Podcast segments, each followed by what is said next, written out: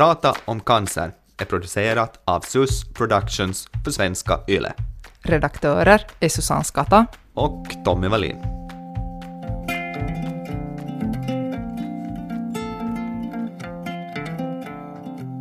Man får vara glad att det finns såna här härliga män människor runt omkring oss. Klart att det skulle få vara med mera hjälpande händer också, men att man får ju vara glad med det som man har. Att oj nej, att nu när operationen lyckades så lyftes jag ut, tyckte jag, sådär som en sommarkatt. Det var ju förstås väldigt jobbigt för allihopa.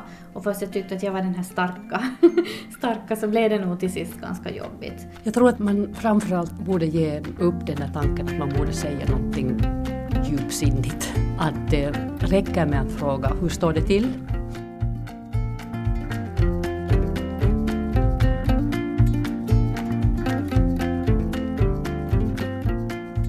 Cancer påverkar alla, också de runt den insjuknade. Arbetskamrater, föräldrar, barn, partner, grannar, vänner. Vad ska man säga? Vad ska man göra? Delad glädje är dubbelglädje, heter det ju som bekant. Men leder delad oro till hälften mindre oro? Nej, så enkelt är det förstås inte. Min rädsla kan också bli din rädsla och en sorg kan fort bli två, tre, fyra. Vi lever inte i en bubbla. Ibland kan det kännas betungande med alla runt omkring en som vill veta hur man mår. Men det kan också vara en källa till stöd och kraft. Någon bryr sig. Eva-Maria Strömsholm fick en ovanlig form av äggstockscancer och hon ville tidigt dela med sig till sina närstående. Jag sa helt enkelt att, att nu, nu har jag varit med om någonting, nu måste vi sätta oss ner och prata och så här är det och gav fakta. Det var jag visste helt enkelt.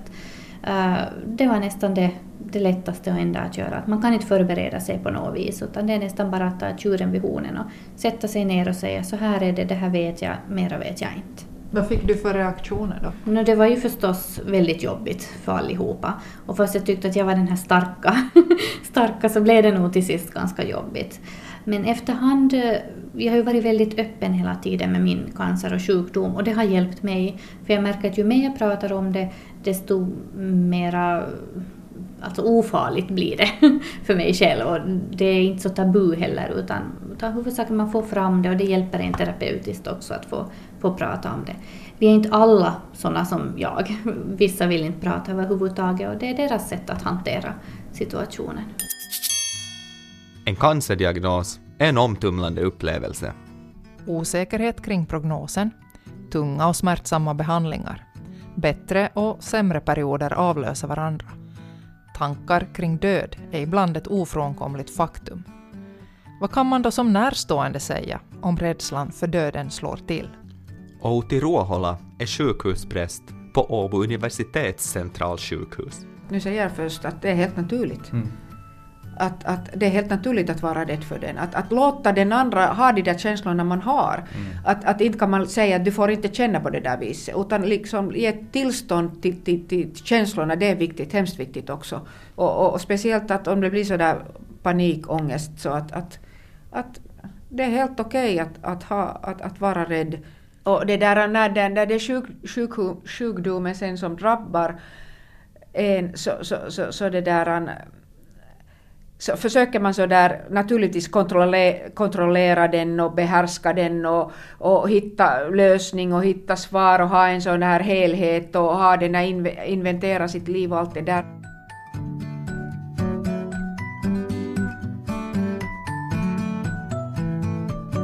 Cancer är inte enbart den insjuknades angelägenhet. Cancern drabbar hela din närmaste krets. Arna Hauksdottir är docent i folkhälsovetenskap på universitetet på Island och har forskat vid Karolinska institutet i Stockholm. I sin forskning har hon studerat 700 svenska änkemän som förlorat sin hustru i cancer. Resultatet visar att kronisk smärta, depression, ångest och sömnsvårigheter är betydligt vanligare 4-5 år efter hustruns bortgång bland de män som var dåligt förberedda på hustruns död i jämförelse med de män som var väl förberedda. Forskning gjord av Katarina Sjövall vid Lunds universitet visar också att det är vanligt med en ökad förekomst av hjärt och kärlsjukdomar, muskelsjukdomar och sjukdomar i mag-tarmkanalen bland de anhöriga till cancerdrabbade. De psykiatriska diagnoserna för de anhöriga ökade i hennes studie med upp till två till tre gånger efter att diagnosen ställts. Lillemor Lerbacka om hur hon berättade om sin cancer. No, jag är ganska social av mig och jag är svår att prata och jag vill gärna berätta och dela med mig det som jag har inom mig. Och jag tror att det var min räddning att jag fick liksom berätta ut det direkt. Det var ju inte så trevligt för att min man han fick då en propp till ögat så att han blev blind på, på ena ögat. Och läkarna påstår att det hade liksom samband med stressen som, som det här um, som gjorde det. Men att det, det, kan man ju inte liksom bevisa så där direkt men att det var som en, en, en följd av det. Men så hade jag mamma och systern och, och, det här, um, och gubben och, och familjen och, och det här. Um, och, och min yngsta son, eller vår yngsta son, så han sa att, att mamma det här det klarar vi nog att vi ska försöka hjälpas åt. Lillemor Lerbacka är lyckligt lottad. Hon har flera som står henne nära och som hon har kunnat dela tunga erfarenheter med. En av dem är hennes syster Britt-Marie Salberg. Det värsta var ju att, att då, när, då när det hände så var vi på väg till, till det här på utlandsresa med min man så, så det här liksom det där beskeden förrän vi fick veta någonting ringande från Teneriffa fram och tillbaka, hur, hur har operationen gått, vad säger de, fick de bort allting? Alltså den semestern får ju liksom nog att vi borde ju ha stannat hemma men att det skulle inte ha hjälpt så mycket då i det skedet. Vi har nog varit med i andra operationer men, men det här då just så, så det här, nu, nu är ju tanken, det är, det är min enda syster som jag har och man tänker att, att hur ska det bli? Och jag tänker på familjen, liksom, att om inte hon finns något mer då, hur ska han klara sig? Hur ska barn, pojkarna klara sig? Att det var ju liksom det är så mycket sådana tankar som kommer då, att, att det här, hur ska det här bli? Men, men då tänkte jag som lillemor att, att jag tror att, att, att hon har så mycket, mycket sisu i sig så att hon, hon kämpar nog säkert, hon försöker nog säkert. Varifrån kommer Sisun? Eh, jag vet, jag tror vi är uppvuxna och, och det här, jag vet inte. När pappa han var polis och han var en, han brukade skåda på oss i ögonen så visste vi att nu ska vi liksom lyda. ja, vi, ja. Vi har, jag, jag, tror, jag tror att vi är uppfostrade på det sättet liksom att, att vi, vi, vi det här vi tar hand om, om, om, varandra och tar hand om andra. Att vi har liksom det inom oss tror jag väldigt mycket. Att, att det här att vi, vi det här vi, vi, och vi ser ofta om, om det, det är någon som, som mår illa eller mår dåligt så då är vi genast där och, och försöker, försöker göra någonting. Att det, ibland blir det för mycket, enligt min man. Men det låter som att ni tar hand om varandra. Ja, mm, det, gör vi. det gör vi. Då fin, finns ju en syster till för att stödja förstås, men hur tar man hand om sig själv när man samtidigt ska stödja någon som har det betydligt värre än en själv i samband med sjukdom? Nej, jag vet inte. Jag, jag jobbar ju så intensivt samtidigt, samtidigt utom då den där veckan när vi var i, i, i Göteborg. Så att, att det här, och jag har haft ett sådant arbete som, som fordrar liksom min fokusering helt och hållet för jag har jobbat med barn i hela mitt liv. Så, så det här, det är på sätt och vis så glömmer du, glömmer man bort liksom då, dag, det där dagliga då. Men du sa att det blev flera operationer och flera behandlingar för dig då? Du har en hel luntlapp med dig. Jag har en luntlapp, jag måste, jag minns på 2004 så fick jag en ny knut. Det var på sätt och vis jag fick cytostatika, men inte hela kroppen, utan bara mitt ben blev behandlat med och samtidigt, jag var ju sövd visserligen, men att mig har berättats att, att de det här samtidigt så att inte den här cytostatikan skulle fara över allt i kroppen så hade de radioaktiv ämnen satt in så att de hela tiden följde med så att det inte får den här, det här giftet annat än bara i, i benet. Det låter jätteavancerat. Ja, det, det, det, det, var, det, det är ungefär som, du, som man tänker en, en bypassoperation, att de stängde av liksom blodflödet så det cirkulerar liksom bara i benet, det här giftet. Mm, på det sättet var det. För jag var med. Hur var det att stå på sidan om då? jag tror det var nog, det var nog en av de svåraste, svåraste, de svåraste dagarna då vi var i Göteborg för jag hade ju då hennes man med och, och det här äh, först och främst liksom att lugna ner honom och, och liksom eh, no, på ett sätt kanske det var bra att jag måste lugna ner honom så behövde jag inte tänka mina egna tankar så mycket utan jag fick liksom försöka hålla honom lugn. Men det här jobbigt var det nog att, att hela tiden liksom vara, vara det här eh, och se på och då vi inte ju visste att lyckas det? Och, och vad händer sen? Och hur ska vi få henne hem från, från Göteborg tillbaka? För det, det var, eh, det där benet blev ju liksom stor och det blev ju svullet och det var, det var då vi skulle, med flyget, jag tänkte att vi skulle aldrig få henne hem därifrån sen till, till det här. Men det gick ju det också. Systrarna Lillemor Lerbacka och Britt-Marie Salberg. Cancerläkaren Heidi Bengts har i över 12 år behandlat cancerdrabbade och är inte sen på att understryka vilken betydelse familjen har. Har man en allvarlig cancersjukdom så det är utan vidare alltid hela familjens sjukdom. Att det drabbar inte bara den som är insjuknad utan, utan hela, hela familjen drabbas och hela familjen lever igenom den här sjukdomen tillsammans. Så, att, så att nu är det, det är samma där, att vi, här tycker vi väldigt mycket om att anhöriga är på plats på mottagning för att det är utan vidare i vårt intresse att anhöriga är vet om situationen och, och, får ställa sina frågor direkt till läkaren. Att inte liksom det, det både belastar patienten om de måste försöka återge efteråt och, och gör lätt att anhöriga inte får som all väsentlig information.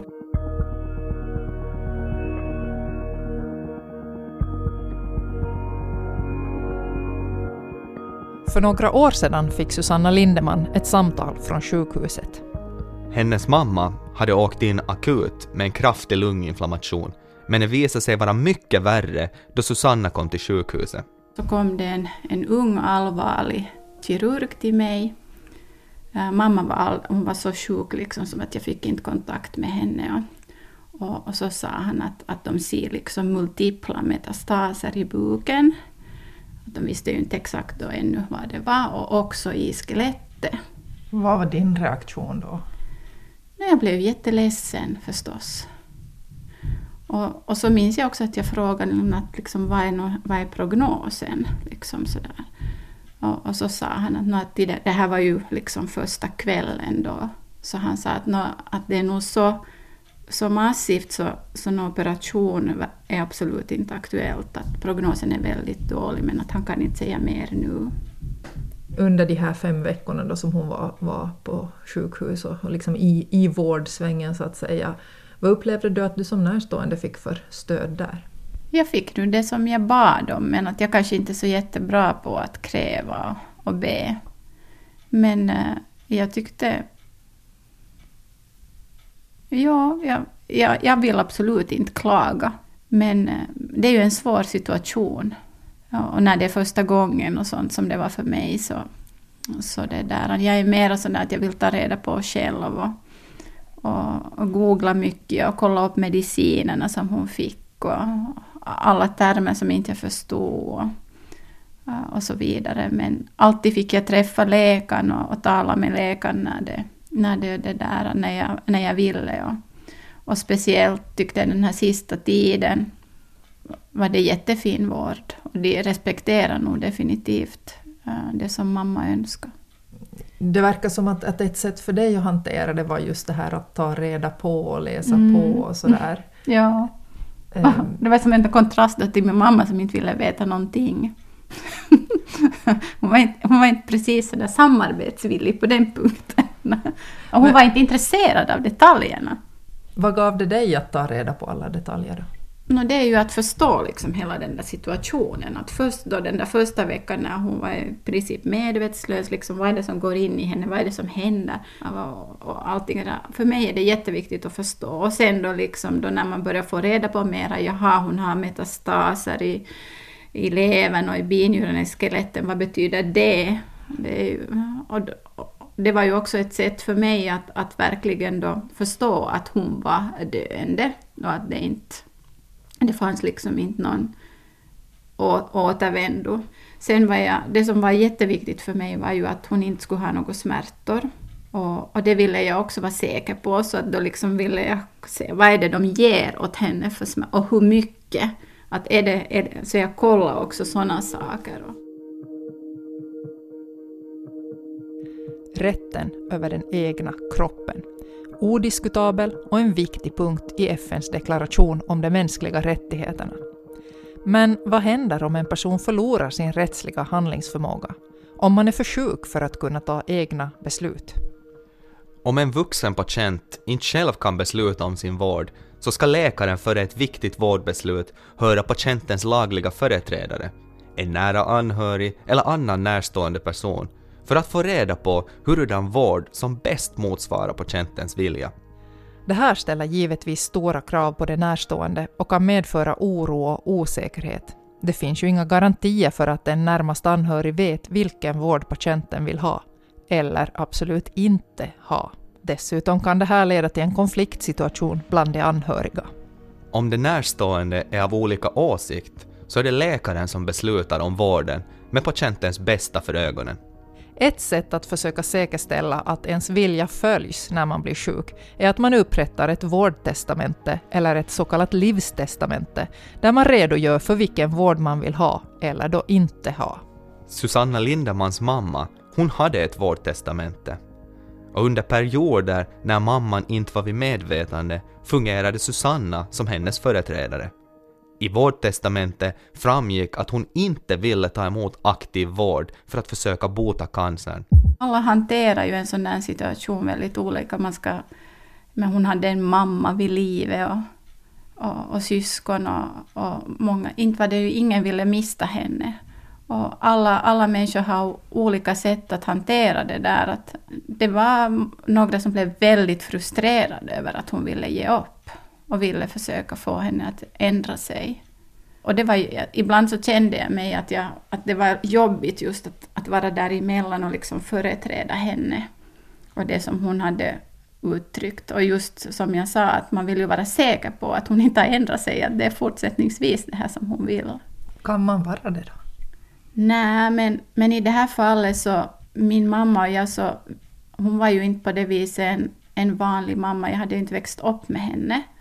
Att jag växte upp med mina morföräldrar. Men eh, sen senare i livet, i tonåren och som vuxen, så, så blev hon, vi fick en jättenära relation.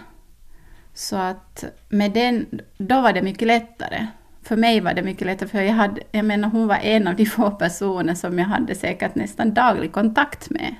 Vi är båda sådana som vi tycker om att diskutera besvärliga saker och vi hade just diskuterat det här, med hur ska man bära sig åt när man vill dö och, och så ska man beställa piller på, på nätet eller ska åka till någon klinik i Schweiz. Så det var sånt som vi hade diskuterat långt innan hon blev liksom dödssjuk och svåra frågor. Så, så kanske den där att jag verkligen nog kände att, att, att jag, jag vet åtminstone vad, vad hon har velat de senaste åren, alltså det gjorde det lättare för mig. Mm. Så det är en rekommendation att man ska prata om de här svåra sakerna medan man ännu är frisk? Ja, men det är ju lättare sagt än gjort. Mm. Ibland så kanske man inte befinner sig ens på samma kontinent då, och sen så kan man hamna i den där situationen då att man, man det där behöver vara den som, som stöder en nära anhörig som, som behöver en i livets slutskede. Men det som jag nu rekommenderar är att, all, att alla ska skriva vårdtestamente. För det gör det ju åtminstone mycket, mycket lättare. För det är ju juridiskt bindande.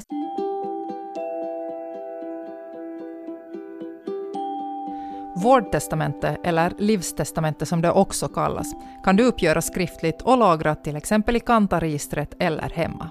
Eftersom den medicinska utvecklingen hela tiden går framåt är det möjligt att vårdmöjligheterna och prognosen kan ha ändrat mellan den tidpunkt då du skrev vårdtestamentet och den tidpunkt när det eventuellt ska verkställas. Därför rekommenderas att du tidvis ser över innehållet och också pratar med dina anhöriga om det. Det är bra att informera sina anhöriga och sin behandlande läkare om livstestamentet och eventuellt deponera en kopia av det hos läkaren och det är bäst att förvara livstestamentet på en sån plats där de anhöriga vid behov lätt kan hitta det.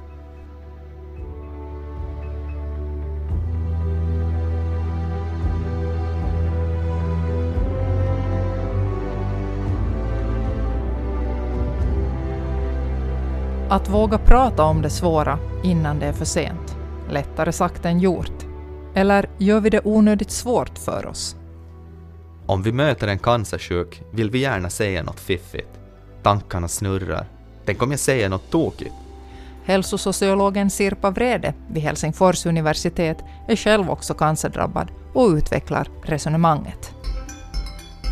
Jag tror att man framförallt borde ge upp den där tanken att man borde säga någonting djupsinnigt. Att det räcker med att fråga hur, hur står det till? Och det, där, det lämnar utrymme för den som, som det där är sjuk att berätta det den vill berätta. För folk är olika.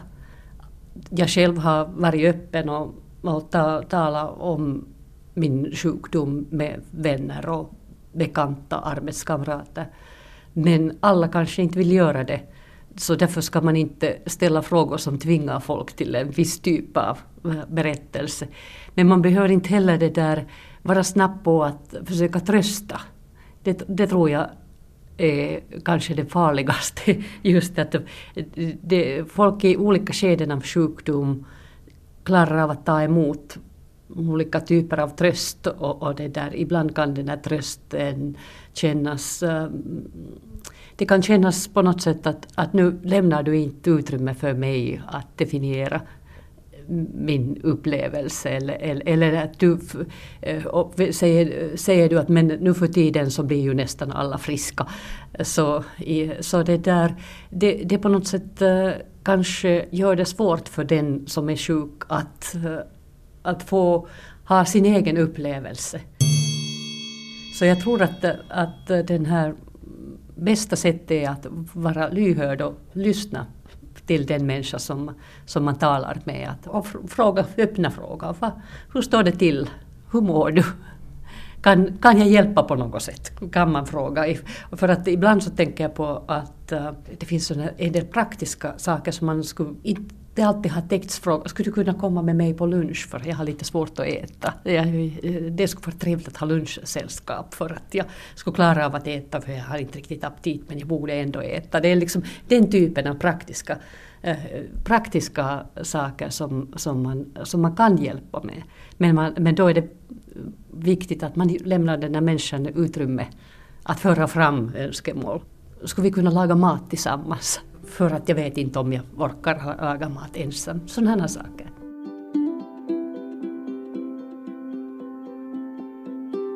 Det Sirpa Vrede säger låter kanske lätt, men för den närstående kan det vara svårt att sätta sig in i vad den cancerdrabbade verkligen går igenom. Och det här kan kännas jobbigt för den som är sjuk. Så här säger cancerdrabbade Glenn Grip och Sofia M. Storsjö. Jag, jag kanske la märke till det att många liksom hade lite svårt med, med, med hela grejen. det är ju liksom sådär att om du, om du sätter en, en, en trevlig kattbild på Facebook så då är ju alla där och tycker om det. Men att om du skriver någonting om cancer så kanske många upplever att det är lite, de vet inte hur de ska ställa sig till det här grejen. Och, Skrev du på Facebook att du har cancer? Uh, no, inte direkt. För jag, jag, jag, kanske inte liksom, jag har en hel del människor där som jag inte kanske känner sådär jättebra inte, inte ansåg att kanske det var en så personlig grej för mig, så alltså jag kanske inte liksom ville dela det med alla dem där. Men eh, visst, i min närmaste bekantskapskrets också var det liksom en, en del människor som kanske hade jättesvårt med att och, eller de kanske inte, inte visste hur de skulle ställa sig till, till den här diagnosen och, och kanske det också att eftersom cancer är så brett begrepp att de inte visste hur allvarligt det var och, och så här. Att, och kanske kände sig rädda för det att de skulle uh, göra sig dumma eller någonting annat sånt här. Liksom, vilket ju inte, eller, inte, inte, man inte behöver vara rädd för. Men att, men att visst, det, det, det, finns så mycket liksom fördomar och förutfattade uppfattningar om cancer att det kan vara svårt för en, en hel del människor att ställa sig till. Och så är det ofta så att många har upplevt den via någon släkting eller till och med själv kanske också. Så det börjar bli vanligare och vanligare tyvärr att många har eh, sina egna erfarenheter som kanske inte alltid är positiva och det kan inverka. Jag tror att kanske ökad kunskap och ökad förståelse skulle bidra till mycket. Eh, och just det här att, att man eh, lättare kan prata om saker. Att nu är det lite kanske tabubelagt det här med, med sjukdomar tycker jag. Att, att man har, jag menar alla har ju den här som man känner som bara pratar om sjukdomar. Och det ska ju inte bli på det sättet heller. Men att, att, eh, att man ändå kan få stöd, stöd när man drabbas. Att det är ju nog jätteviktigt. Att många gånger är det många som säger att när de blir sjuka då försvinner alla kompisar. Och inte så tycker jag inte att det har varit för mig, det tycker jag inte. Att jag har nog haft väldigt många kompisar men som har stått och stöttat en men att, att just den där förståelsen att man inte riktigt vet vad det är. Att vad, vad har man varit med om? Att, att jag vet inte det där att man behöver vara med om det själv för att förstå det. Jag vet inte.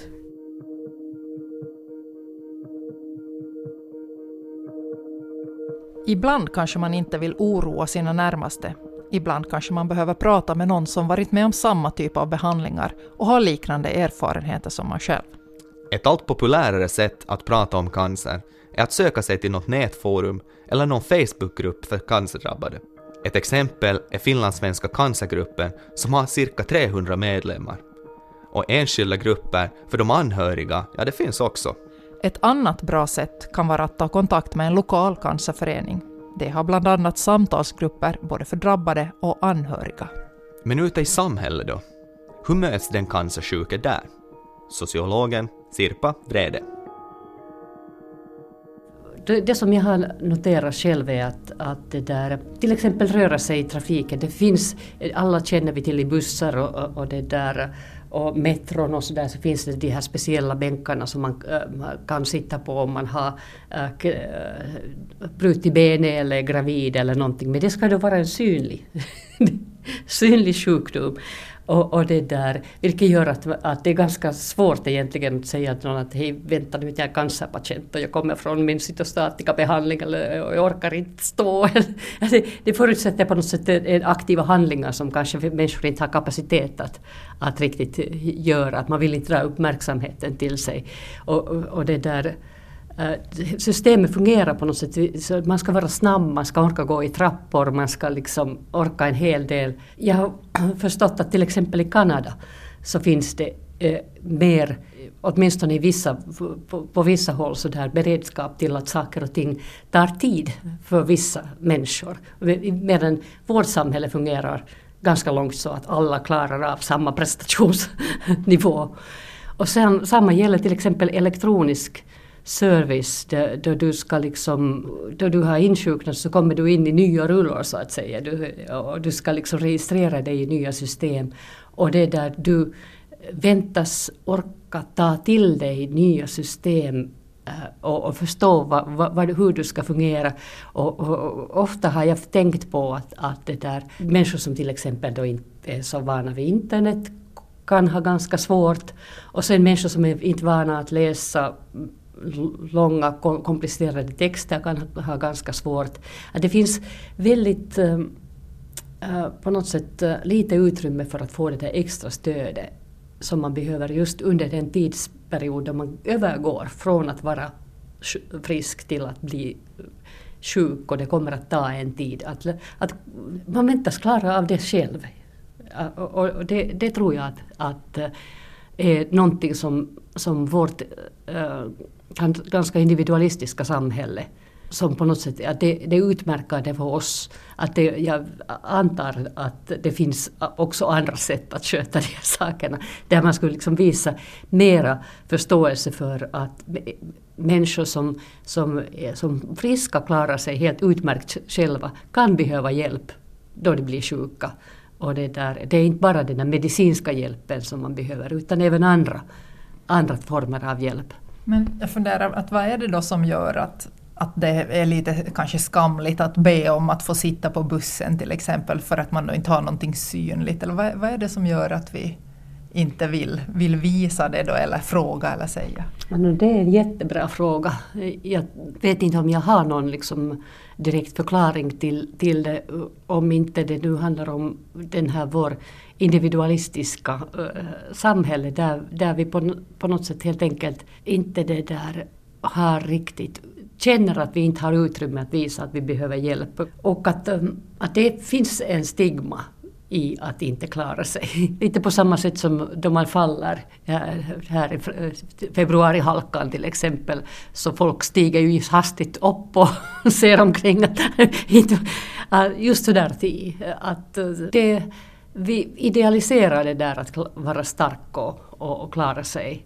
Och sjukdom förknippas nog till det där att inte vara, att vara svag. Kanske det är lite egen, ens eget fel att man har blivit sjuk, kanske på någon nivå.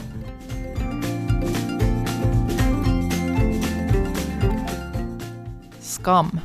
Kanske vi kan prata bort det, krossa det med fakta och statistik. Cancer beror till stor del på slumpen. Cancer är ingens fel. I kontakten med en cancerdrabbad finns det inte heller några rätt eller fel sätt att närma sig. En enkel fråga räcker långt. Hur mår du? Vad kan jag göra för dig? Ställ den till både drabbade och anhöriga.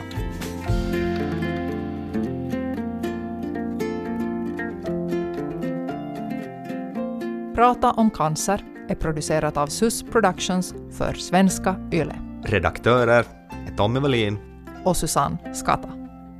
Thank you